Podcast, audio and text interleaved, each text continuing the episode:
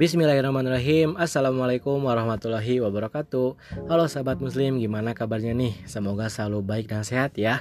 Dan semoga kita selalu senantiasa diberkahi dan dilindungi oleh Allah subhanahu wa ta'ala. Amin ya Allah, amin ya rabbal alamin.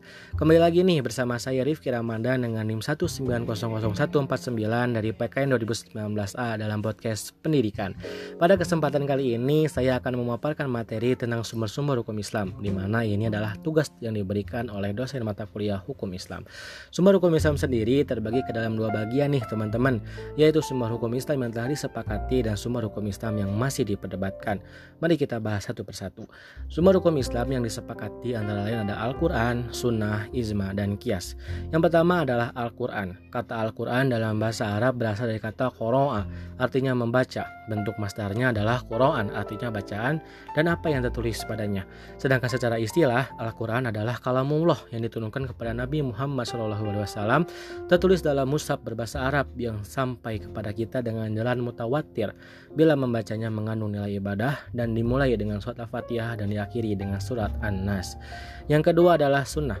Sunnah secara bahasa berarti cara yang dibiasakan atau cara yang terpuji. Secara istilah menurut ulama usul fikih, sunnah adalah semua yang bersumber dari Nabi Wasallam, baik berupa perkataan, perbuatan atau persetujuan. Dalil yang menetapkan sunnah sebagai sumber hukum Islam di antaranya adalah ayat-ayat Al-Quran yang menjelaskan bahwa kaum muslimin diperintahkan untuk mengikuti Allah dan Rasulnya sebagaimana dalam surat Al-Imran ayat 32.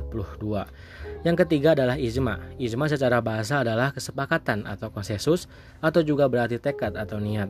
Sedangkan secara istilah adalah kesepakatan ahli fikih mujtahid pada suatu masa atau suatu hukum syariat tertentu. Jumhur ulama mengatakan bahwa ijma itu mungkin terjadi menurut adat kebiasaan. Mereka mengatakan bahwa yang mengingkari kemungkinan ijma adalah mengingkari hal yang nyata terjadi. Jumhur ulama mengumpulkan sejumlah contoh di antaranya hak waris bagi nenek yaitu seperenam daripada harta. Dan dan yang terakhir adalah kias. Kata kias berasal dari kata koso. Ia telah mengukur, ya kisu. Ia sedang mengukur kias ukuran. Jadi kata kias itu artinya adalah ukuran dan timbangan. Secara istilah, para ahli usul fikih mendefinisikan kias bermacam-macam. Antara lain yang pertama, mengembalikan yang cabang kepada yang asal karena adanya ilat yang bergabung di antara keduanya. Dan yang kedua adalah menyatukan sesuatu yang tidak disebutkan hukumnya dalam nas dengan sesuatu yang disebutkan hukumnya oleh nas dikarenakan kesamaan ilat hukum antara antara keduanya. Itulah teman-teman sumber hukum Islam yang telah disepakati. Kemudian ada lagi nih delapan sumber hukum Islam yang masih diperdebatkan. Apa saja sih? Mari kita bahas satu persatu. Yang pertama adalah istishab. Secara istilah ilmu usul fikih yang dikemukakan oleh Abdul Hamid Hakim, istishab yaitu penetapkan hukum yang telah ada pada sejak semula tetap berlaku sampai sekarang karena tidak ada dalil yang merubah. Kedua adalah istishan. Secara istilah, ihtisan adalah berpindah dari suatu hukum yang sudah diberikan kepada hukum lain yang sebanding dengannya karena ada suatu sebab yang dipandang lebih kuat. Yang ketiga adalah maslahah ar-mursalah. Menurut istilah ulama usul fikih, maslahah mursalah salah adalah sesuatu yang memandang kemaslahatan dirasakan oleh hukum sesuai dengan akal dan tidak terdapat pada asal. Yang keempat adalah al-urf. Secara istilah adalah sesuatu yang telah menjadi kebiasaan dan diterima oleh tabiat yang baik serta telah dilakukan oleh penduduk sekitar Islam dengan ketentuan tidak bertentangan dengan nasyaro. Selanjutnya adalah mazhab sahabi.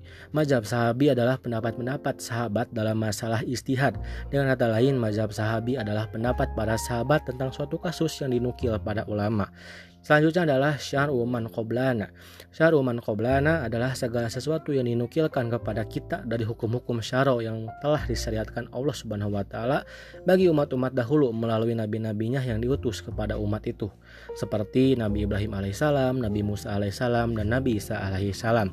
Selanjutnya adalah sadu jaroi. Sadu jaroi adalah media yang jahirnya mubah mendorong kepada perbuatan yang terlarang. Definisi lainnya bahwa sadu jaroi adalah mencegah sesuatu yang menjadi jalan kerusakan atau menyumbat jalan yang dapat menyampaikan seseorang pada kerusakan. Dan yang terakhir adalah dalalatul ikhtiron. Dalalatul ikhtiron secara bahasa berarti dalil yang bersama-sama atau berbarengan. Secara istilah adalah dalil yang menunjukkan bahwa sesuatu itu sama hukumnya dengan sesuatu yang disebut bersama-sama. Itulah kiranya teman-teman pemaparan materi mengenai sumber-sumber hukum Islam. Mungkin di sini banyak pertanyaan di benak kita. Kenapa sih masih ada sumber hukum Islam yang diperdebatkan?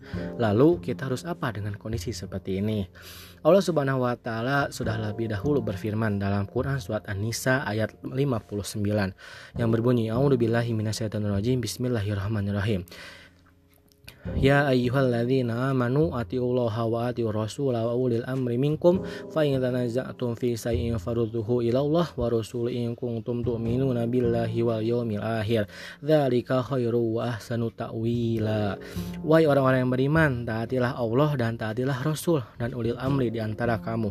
Kemudian jika kamu berbeda pendapat tentang sesuatu maka kembalikanlah kepada Allah atau Al-Qur'an dan Rasul sunnahnya.